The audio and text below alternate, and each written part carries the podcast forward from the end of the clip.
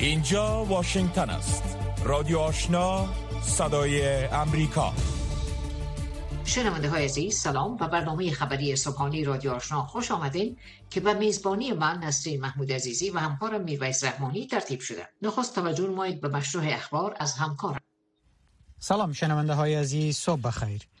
ازبکستان می گوید که هرچند این کشور روابط و تعامل نزدیک با طالبان دارد اما حکومت طالبان را قبل از جامعه جهانی به رسمیت نخواهد شناخت. اسمت الله آرگاشیف نماینده ویژه رئیس جمهور ازبکستان برای افغانستان در مصاحبه ویژه با صدای امریکا گفت که تاشکند از دیر زمان های مستحکم با گروه طالبان ایجاد کرده و دو طرف به گونه منظم با هم صحبت می کنند و روی همکاری های دو جانبه بحث می کنند او افزود که طالبان نمی خواهند منزوی شوند و خواستار برسمیت شناخته شدن حکومتشان هستند. این مقام ازبکستانی روی تعامل بیشتر با حکومت طالبان تاکید کرد. اما افزود که ازبکستان به تنهایی حکومت طالبان را به رسمیت نخواهد شناخت بلکه منتظر تصمیم جمعی جامعه جهانی خواهد بود. بسیاری کشورهای جهان ایجاد یک حکومت فراگیر رعایت و حفظ حقوق زنان و دختران و عدم تبدیل شدن افغانستان به پناهگاه دهشت افغانان را به حیث شرایط اساسی به رسمیت شناختن حکومت طالبان پیشنهاد کردند اما نماینده ویژه رئیس جمهور ازبکستان برای افغانستان گفت که به نظر وی پوره کردن این شرایط در مدت زمان کوتاه توسط طالبان دشوار به نظر می رسد. یک جنرال ارشد بازنشسته اردوی بریتانیا می‌گوید که حکومت کشورش باید احساس شرمندگی کند چون همکاران افغان نیروهای ناتو تا هنوز در افغانستان باقی ماندهاند. جنرال جان مکول که به حیث نخستین قماندان نیروهای آیسف در افغانستان نیز کار کرده است در صحبت با بی بی سی گفت که حکومت بریتانیا به تعهد خود مبنی بر کمک به افغانهایی که با بریتانیا در افغانستان کار کرده بودند عمل نکرده است این جندال ارشد بازنشسته اردوی بریتانیا افزود که صدها افغان واجد شرایط مهاجرت به بریتانیا تا هنوز در افغانستان از ترس طالبان در خفا به سر می‌برند. وزارت دفاعی بریتانیا گفته است که تا اکنون بیش از 9000 افغان های واجد شرایط و اعضای خانواده آنان را به بریتانیا انتقال داده است اما جنرال مکول با انتقاد از برنامه از کان مجدد افغان های واجد شرایط به بریتانیا به بی بی سی گفت که روند طی مراحل درخواست برای این برنامه دچار تأخیر غیر قابل توجیه است. او افزود که این تأخیر از نو ماه به این سو ادامه دارد و به گفته وی تا هنوز هیچ سیستم به خاطر رسیدگی به تأخیر در طی مراحل درخواست کنندگان افغان ایجاد نشده است. جنرال مارک میلی لویدرستیز عمومی قوای مسلح امریکا می‌گوید که اگر گروه های دهشت افغان مانند داعش در افغانستان سر بلند کنند نیروهای امریکایی در مقابلشان اقدام خواهند کرد. جنرال میلی با قانونگذاران امریکایی گفت که گروه های دهشت افغان به شمول داعش تلاش دارند تا فعالیت هایشان را در افغانستان دوباره منسجم کنند. اما به گفته وی این گروه ها تا حال موفق به این کار نشدند این جنرال امریکایی قبلا گفته بود که این گروه ها در مدت دو تا سه سال آینده قابلیت تهدید خاک امریکا را خواهند یافت. اما او به تازگی گفت که گروه های دهشت افغان تا اکنون کدام خطری را متوجه خاک امریکا نکردند او افزود که امریکا فعالیت گروه های دهشت افغان را زیر نظر دارد و اگر این گروه ها سر بلند کنند و امریکا را تهدید کنند این کشور اقدامات مناسب را روی دست خواهد گرفت اظهارات لویدرستیز عمومی قوای مسلح امریکا در حال بیان می شود که در حملات مرگبار داعش در دو هفته اخیر در شهرهای مختلف افغانستان دهها غیر نظامی عمدتا شیعه و هزاره کشته شد. حکومت پاکستان کمیسیون را به خاطر تحقیق در مورد ادعای امران خان مبنی بر دست داشتن کشورهای خارجی در سرنگون کردن حکومت برهبری وی ایجاد کرد. مریم اورنگزیب وزیر اطلاعات پاکستان روز چهارشنبه گفت که این کمیسیون در مورد این ادعای امران خان صدر پیشین این کشور بیطرفانه تحقیق خواهد کرد. امران خان و اعضای ارشد حزب تحریک انصاف پاکستان بارها ادعا کردند که حکومت به رهبری آقای خان به دلیل یک توطئه امریکا که به گفته وی احزاب داخلی نیز در آن سهیم بود از قدرت برکنار شد. امریکا این اتهام امران خان را رد کرده و پیش از این اردوی پاکستان و شورای امنیت این کشور نیز دست داشتن کشورهای خارجی در برکناری حکومت امران خان را رد کرده بودند. نفتال بنت صدر اعظم اسرائیل می گوید که ولادیمیر پوتین رئیس جمهور روسیه در مورد اظهارات وزیر خارجهش پوزش خواسته است. سرگی لاوروف وزیر خارجه روسیه اخیرا گفته بود که آدولف اتلر رهبر آلمان نازی اصلا یهودی بود آنچه خشم حکومت اسرائیل را برانگیخت اسرائیل این اظهارات وزیر خارجه روسیه را یک دروغ نابخشودنی خواند و گفت که این اظهارات سبب کم اهمیت جلوه دادن فجایع هولوکاست می شود. دفتر صدر اعظم اسرائیل روز پنجشنبه گفت در صحبت تلفنی که رئیس جمهور پوتین با صدر اعظم اسرائیل داشت آقای پوتین به خاطر این اظهارات وزیر خارجه روسیه پوزش خواست. دفتر نفتالی بنت صدر اعظم اسرائیل افزود که آقای بنت پوزش رئیس جمهور روسیه را پذیرفت و از وی به خاطر احترام گذاشتن به یهودی ها و فاجعه هولوکاست سپاسگزاری کرد.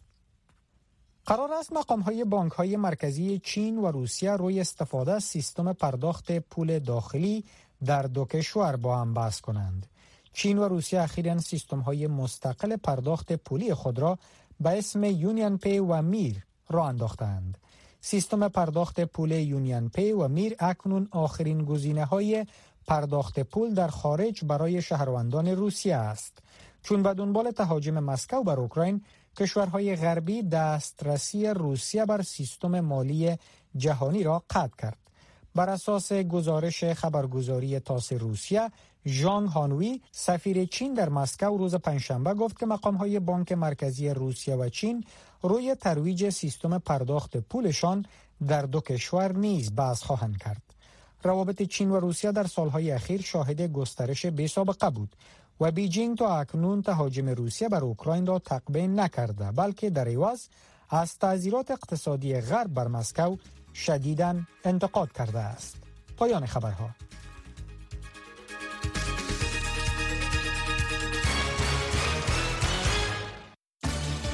تلویزیون آشنا دریچه شما و سوی جهان نه تنها در صفحه تلویزیون بلکه در صفحه اختصاصی فیسبوک تلویزیون آشنا. در وبسایت دری با آدرس voanews.com دری. در یوتیوب با آدرس VOA افغانستان دری. و در صفحه اینترنتی تویتر. تلویزیون آشنا در هر زمان و هر مکان پیوند دهنده شما با جهان. شنونده های عزیز مشروع اخبار از رادیو آشنا شنیدین. آن هم توجه نمایید به گزارش های صبح امروز. قرار است ایالات متحده در هفته آینده میزبان نشست آسیان یا انجمن کشورهای جنوب شرق آسیا در شهر واشنگتن باشد. این نخستین بار است که رهبران این انجمن در قصر سفید برای برگزاری این نشست گرد هم میآیند. رهبران فیلیپین و میانمار در این نشست حضور نخواهند داشت. با توجه به وضعیت منطقه این روزها یک زمان حساس برای امنیت منطقه‌ای و افزایش تعامل اقتصادی پنداشته میشه. گزارش جسیکا استان خبرنگار صدا امریکا را از همکارم قدیر مشرف میشنوید. از زمانی که نخستین نشست آسیان در سال 2016 در منطقه سنیلنز ایالت کالیفرنیا برگزار شده بود رهبران کشورهای جنوب شرق آسیا شاهد کودتای نظامی، فاجعه های طبیعی، همگیری و اکنون هم کمبود مواد غذایی و سوخت به خاطر جنگ روان در اوکراین و مسدود شدن بنادر چین بودند. مارک میلی عضو شورای کسب کاران انجمن کشورهای جنوب شرق آسیا می‌گوید که اعضای این انجمن می‌دانند که ایالات متحده در بس موارد موفق بوده است. در آسیا شما می‌دانید طور مثال که اکثر اوقات تجارت به مسابقه یک استراتژی تلقی می شود و ما از لحاظ تاریخی می‌دانیم در حالی که ایالات متحده در عنصر امنیتی استراتژی بسیار بسیار موفق بوده است. این بود تجارتی استراتژی بوده که نهایت چالش برانگیز بوده است. در حالی که شش عضو انجمن کشورهای جنوب شرق آسیا در میان شرکای ارشد تجارتی واشنگتن قرار دارند کارشناسان می‌گویند که ایالات متحده کدام برنامه بزرگ تعامل اقتصادی را در جریان این نشست برملا نخواهد کرد. پس این نشست برای منطقه چی چیز را می‌تواند به ارمغان داشته باشد؟ ناظرین چون گریگ پولینگ رئیس برنامه جنوب شرق آسیا و برنامه شفافیت امور بحری در مرکز مطالعات استراتژیک بین‌المللی می‌گوید که کشورهای جنوب شرق آسیا می‌خواهند اطمینان حاصل کنند که حمایت نظامی ایالات متحده برای ناتو و اوکراین به هزینه و بهای تداوم تعهدات این کشور در منطقه هند اقیانوس آرام نخواهد انجامید. این یک مشکل کلاسیک طلایی در جنوب شرق آسیا است. همه چیزها چی اندک باشد یا زیاد ایالات متحده انجام می‌دهد. این هرگز درست نبوده است. این باور نشان می‌دهد که چقدر منطقه می‌خواد که ایالات متحده این حق را داشته باشند. این استراب همیشه بوده است. کارشناسان همچنان می‌گویند که ایالات متحده ایجاب می کند تا یک پیام واضح در خصوص روابط ایالات متحده چین بفرستد. به ویژه در خصوص آزادی تردد در آبهای جنوب چین. باید شاهد تقبیه قوی رفتار چین در هر نشست مانند این یکی باشد یا هم برخی از جناحات در منطقه برجسته کرده و می‌گویند که ببینید ایالات متحده متزلزل شده است. مطمئنا برای کشورهای عضو انجمن جنوب شرق آسیا بارزش است که در کرده و نتیجه را تشخیص دهند که آیا تغییرات بعدی یا تغییرات بیشتری در رابط میان ایالات متحده و چین وجود خواهد داشت یا خیر؟ چه مسائل را ابراز می دارند و یا هم نمی گویند و از آن تغییرات چگونه استفاده می کنند در یک ساحه‌ای که از قبل انجمن کشورهای جنوب شرق آسیا در آن گام نهاده فراهم کردن یک بدیل به زنجیره اکمالاتی چین است. شورای تجارتی ایالات متحده آسیان می گوید که مالیزیا انتظار می رود افزایش همکاری را با تولید کنندگان اشیای نیمهادی امریکایی اعلام کند. و در حالی که کشورهای جنوب شرق آسیا یک پارچگی اقتصادی خود را با سرتاسر سر جهان افزایش می‌دهند جیم منیار پژوهشگر بنیاد ملی امور بحری می‌گوید که شرکای تجارتی من جمله هند از نزدیک و دقیق ناظر این نشستند. مخصوصا برای هند. منافع بسیار زیادی در این منطقه وجود دارد. چه از لحاظ امنیت انرژی باشد یا چه امنیت تجارت از طریق تنگه های اساس جنوب شرقی آسیا؟ کارشناسان می‌گویند که هرچی باشد این منطقه دینامیک و پویا به طور فضاینده در قلب بسیاری از بزرگترین چالش ها و فرصت های جهانی قرن حاضر قرار دارد. روکو راست. صحبت های داغ صاحب نظران در مورد خبرها و مسائل روز هر شام از ساعت 8 تا 9 شب در برنامه مشترک دری و پشتوی رادیو آشنا صدای امریکا. بخش زنده این برنامه را در نشرات ماهواره صدای امریکا نیز دنبال کرده می توانید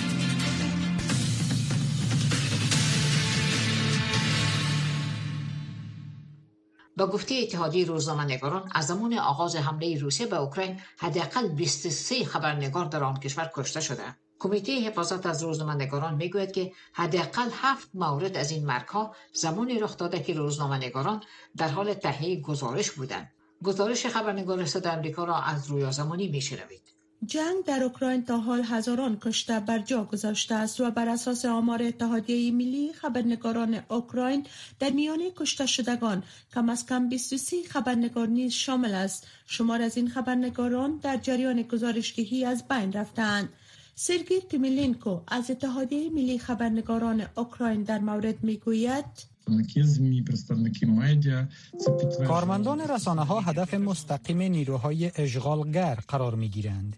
این اظهارات با مرگ همکاران ما ماکسیم لوین عکاس، الکساندرا کوشینیو از فاکس نیوز و از سایر خبرنگاران تایید شده است.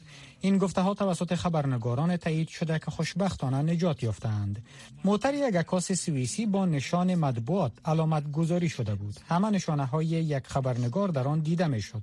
اما با آن هم نیروهای روسی را از تیراندازی به موتر سرقت آن و دزدیدن تجهیزات و پول متوقف نکرد. از سوی دیگر اکسانا بالینا یک خبرنگار دیگر در جریان وظیفه. در نزدیکی یک مغازه در کیف در اثر حمله راکتی کشته شد جایی که یک روز قبل توسط نیروهای روسی بمباران شده بود. این حادثه را همکارش انتونو به یاد دارد. در آنجا فقط کارمندان نجات خبرنگاران و برخی از رهگذران موجود بودند. کمیته حفاظت از خبرنگاران می‌گوید که اثبات این موضوع که خبرنگاران و کارمندان رسانه ها در تلافی از گزارش هایشان کشته می شوند دشوار است. کارلوس مارتینز دالا سرنا از کمیته حفاظت از خبرنگاران در مورد می‌گوید uh, ما فقط گفته می توانیم که این خبرنگاران در یک رویداد کشته شدند زمانی که آنها گزارش دهی می کردند یا کارهای خبرنگاری را انجام می دادند بنان ما می توانیم بگوییم که کم از کم هفت خبرنگار وجود دارد که مرگ آنان هنگام اجرای وظیفه تایید شده. آنان به عنوان یک خبرنگار کار می کردند که این اتفاق رخ داده است. اما موارد بسیار بیشتری وجود دارد که باید بررسی شود. او همچنان گفت که گرچی خبرنگاری کار مسئولی نیست اما خبرنگاران نقش حیاتی را در مستندسازی ایفا می کنند با وجود این که برخی از خبرنگاران جانهایشان را از دست داده و شمار هم بازداشت شدند اما صدها تن دیگر هنوز هم خبرهای جنگ روسیه را تحت پوشش قرار می دهند. رادیو آشنا صدای امریکا هفت شام تا هفت صبح. FM 100.5 و موج متوسط 1296 دیوید پتریس رئیس سابق اداره استخبارات ایالات متحده و جنرال متقاعد اردوی امریکا می‌گوید لوازم نظامی و اسلحه نیروهای امریکایی که در افغانستان باقی ماندند جدی نبوده اما واقعا نگران کننده است.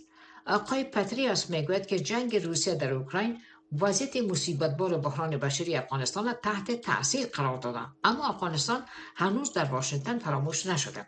آقای پتریاس از حضور گروه های دشت افغان و موج تازه خشونت های شاخه خراسان داعش اظهار نگرانی کرده و گفت که از قبل پیش بینی شده بود که طالبان توانایی برقراری امنیت افغانستان ندارند. آقای پتریاس در صحبت با همکار ما ژیلا نخست در مورد حمایت نظامی امریکا از اوکراین در برابر روسیه چنین توضیح داد Well, the U.S. President, the Secretary General of NATO and other رئیس جمهور منشی عمومی ناتو و رهبران سایر کشورها واضح ساختند که نمی‌خوان به طور مستقیم با روسیه درگیر شوند آنها می‌خوان از یک کشور که توسط روسیه اشغال شده است حمایت کنند و البته که بسیار محتاط هستند.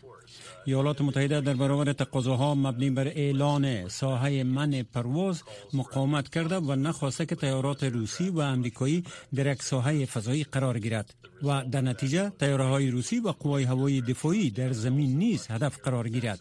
بیرون رفتن از همچه ساحه از وسط بخشیدن جنگ روسیه در منطقه و رویارویی مستقیم با روسیه جلوگیری کرد و نیاز به پرخاشگری نبود و به همین خاطر مخالفان تصمیم گرفتند. آنها در برابر شمار از اقدامات دیگر نیز تصمیم گرفتند اما آنچه که بسیار مهم است این است که رئیس جمهور بایدن بسته کمک 33 میلیارد دلاری برای اوکراین را برای کنگرس ارائه نموده است که شامل کمک ها به شمول سیستم های مهم اسلحه، تسهیلات، مهمات و سایر لوازم موتر و کمک های اقتصادی مختلف را در بر می‌گیرد. در این حال این تصمیم همراه با تحریم های مهم بر اقتصاد روسیه، سیستم مالی و افراد نزدیک به پوتین و سایر اقدامات علیه تجاوزات روسیه به شمول 700 شرکت در داخل روسیه و مسدود ساختن فعالیت های روسیه همراه بوده است. بر علاوه حدود 300 هزار اتباع روسی تصمیم گرفتند که در آن کشور دیگر زندگی کردن نمی‌توانند روسیه را ترک کردند که شامل روسای روشن فکر هستند که نمی‌خوان چیزی را از دست بدن و آنها به دلیل موقف کشورشان متاثر شدهاند و در نتیجه روسیه افراد مسلکی و با استعداد را از دست می‌دهد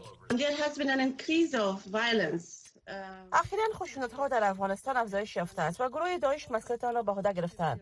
به خصوص اماکن مربوط اقلیت مذهبی شیعه و هزاره هدف قرار داده شدند.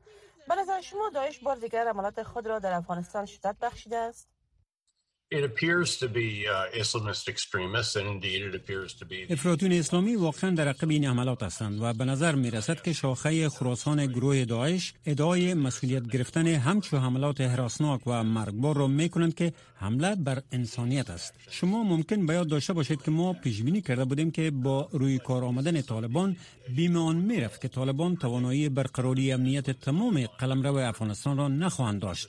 و این باعث می شود که گروه های دهشت افغان در نقاطی از خاک افغانستان پناهگاه ها بسازند.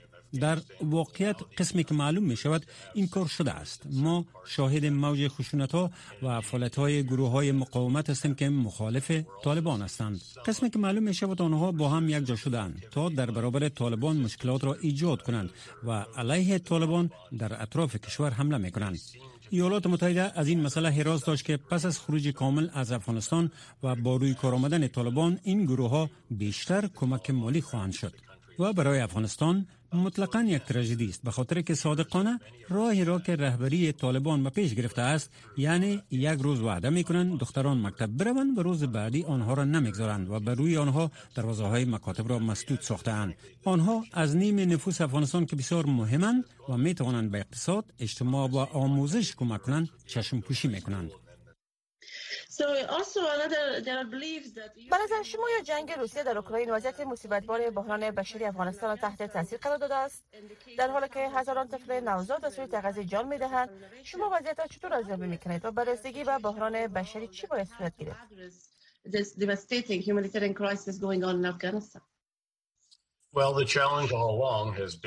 خب مشکل اینجاست. که ایالات متحده و سایر کشورها تمایل برای حمایت از طالبان ندارند. اما در اصل تلاش می کنند که مشکلات بحران بشری را در افغانستان کاهش دهند تا مردم بیشتر عذاب نکشند یا سوی تغذیه نشوند.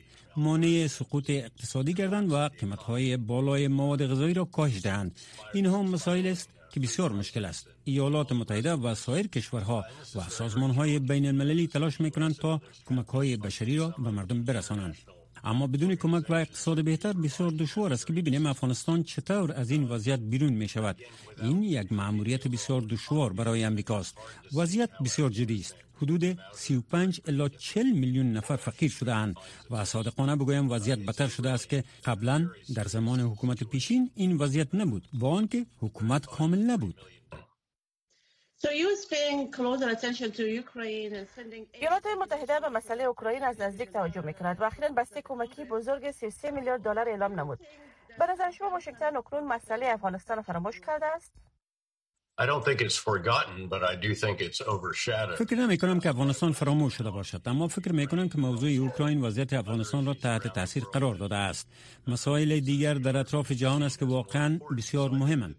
به نظرم مشکل اینجاست که ایالات متحده تا این حد توان دارد که به دو معضله مهم در دو نقطه جهان رسیدگی کند. تلاش های وسیع برای کمک به اوکراین در جریان است تا به آن رسیدگی گردد و تمرکز از مسائل مانند افغانستان و سایر کشورها را تحت تاثیر قرار داده است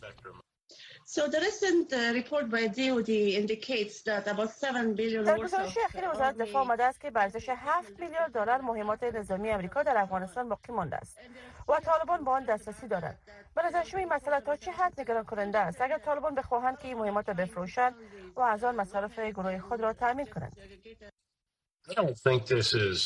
as serious as it sounds. It certainly is of concern.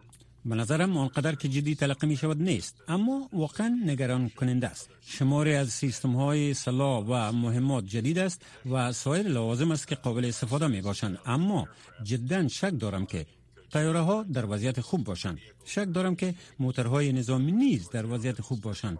به خاطر که البته که آنها پرزجات اضافی ندارند و حتی از نظر میخانیکی برایشان ساده نیست که بخواهند تیاره ها را پرواز دهند. موترها را رانندگی نمایند یا همه چیز را فعال بسازند. باز هم فکر می کنم مسئله است که باید نگران بود. شماری از سیستم هایی است که ممکن در بین آنها وجود داشته باشد که نگران کننده است. و ما باید این وسایل را ردیابی کنیم و مطمئن شویم که به دست دشمن نیفتد اما در کل تمام لوازم نظامی به شمول تیاره ها و موترهای مهم فکر نمی کنم برای طالبان سودی داشته باشد و نه گروه دیگری آن را استفاده کرده بتوانند. و حتی به اندازه کافی پول داشته باشند که این وسایل را که نیمه کار هستند بخرند. Army planes and Afghan helicopter belong to Afghan forces. They were brought گزارش های وجود دارد که شماری از های جنگی و هلیکوپترهای قوای افغانستان به تاجیکستان و ازبکستان منتقل شدند و اکنون طالبان می‌خواستند که به شمار از این مهمات هوایی در ازبکستان دسترسی پیدا کنند اما ازبکستان رد نموده است. به نظر شما سرنوشت این مهمات هوایی چی خواهد شد؟ به نظرم در حال حاضر این کشورها که مهمات هوایی تیاره ها در آنجا مسقرند مسئولند باید تصمیم بگیرند که با این لوازم چی می‌کنند. فکر نکنم بخواهند این مهمات را به طالبان بدهند. آنها با شرایط طالبان که در افغانستان برقرار ساختند توافق ندارند. آنها خوش ندارند که کشور همسایه خود را ببینند که به قرن هفت و هشت برگردد و نوع تعبیر افراطی از اسلام را در کشور برقرار سازند. در آن صورت آنها نباید این اسلحه یا تیاره ها را به افغانستان برگردانند. جدا از اینکه در چی وضعیت است و از نظر تکنیکی مربوط کیست؟ رادیو آشنا صدای امریکا. منبع موثق خبرها و گزارش های جهان و افغانستان. اخیرا در افغانستان چندین حمله تروریستی رخ داده است که داعش مسئولیت آن را به عهده گرفته. اما طالبان قبلا گفته بودند که این گروه برای سرکوب گروه های حراس افغان به شمول داعش امکانات کافی در دست دارد. دلیل افزایش حملات تروریستی در افغانستان چیست؟ آیا طالبان توان مقابله با آن را دارند؟ در این مورد من نسرین محمود عزیزی مصاحبه با آقای خلیل پارسا تحلیلگر امور سیاسی انجام دادم که پیشکش شما میگردد. آقای پارسا با حضور گروه های دشت افغان و موج تازه خشونت های شاخه خراسان داعش و ظهور مخالفات در افغانستان چقدر طالبان می‌تونن که در برابر اونا مقابله کنند بحث مقابله طالبان با گروه های دشت افغان که یک تعهد است برای برای ایالات متحده و کشورهای منطقه و متحد شدن که جلو گروه های تندره و گروه های اصطلاح دهشت افکن در افغانستان می‌گیرن. یک, یک تعهدشون است ولی اینکه چقدر بتونه عملی بسازن این تعهد خود یک سوال بسیار عمده است. پیش جهان طالب ها و گروه طالب ها متشکل از بخش های مختلف هست یعنی دیدگاه های مختلف هستند. در بین طالب ها میانه رو تندرو به اصطلاح گروه هستند که این روش ها را تعامل با جهان قبول ندارن مثلا یک, یک حکومت مشارکتی را قبول ندارن حقوق برای زنان را قبول ندارن. اگر, اگر بخش عمده یا بخشی از طالبان خواسته باشن این تعهدات بجا کنن مطمئنا بخش های از طالب ها امکان داره که اینا به طرف گروه های دهشت افکن رو بیارن یا بپیوندن به گروه های مثل داعش خراسان که در افغانستان اخیرا بیشتر فعال شده یعنی بستر مناسبتری پیدا کرده و قوتی بشه برای فعالیت های از این یک موضوع بسیار نگران کننده است. آیا واقعا داعش امی انفجارها را انجام یا که اختلافات بین خود طالبا این مسائل دامن می‌زنن اولا که نیروهایی که در داخل افغانستان تحت هر نامی هستن نیروهایی نیستن که از بیرون به داخل افغانستان بیان. خود افغان ها که تحت تفکرات مختلف اینا پیرامون از اونا جمع میشن و فعالیت های خود انجام میدن.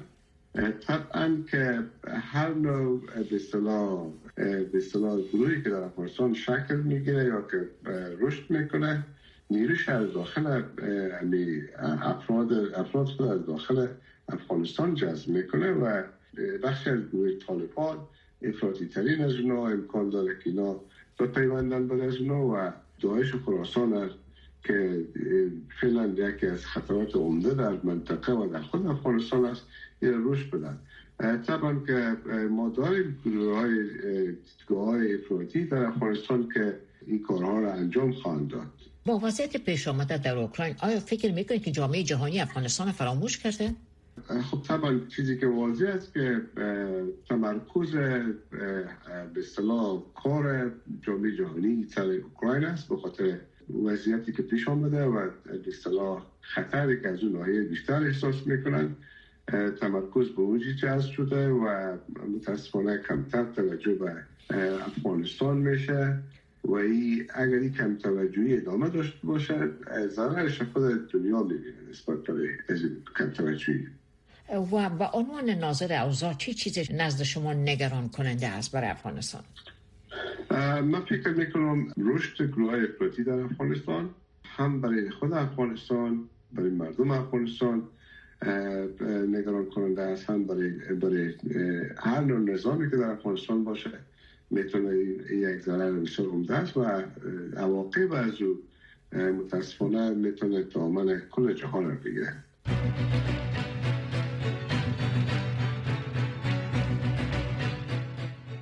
شنونده های عزیز در اینجا می رسیم به پایان بخش دوم برنامه صبح امروز رادیو آشنا. چند لحظه بعد نشرات برنامه رادیو آزادی را روی همین موج می شنوید که تا هفت شام به وقت کابل ادامه دارد. تا ساعت هفت شام که بار دیگه با نشرات رادیو آشنا در خدمت خواهیم بود با شما خداحافظی می کنیم روز شما بخیر. الطاف خداوند بدرقه راه شما.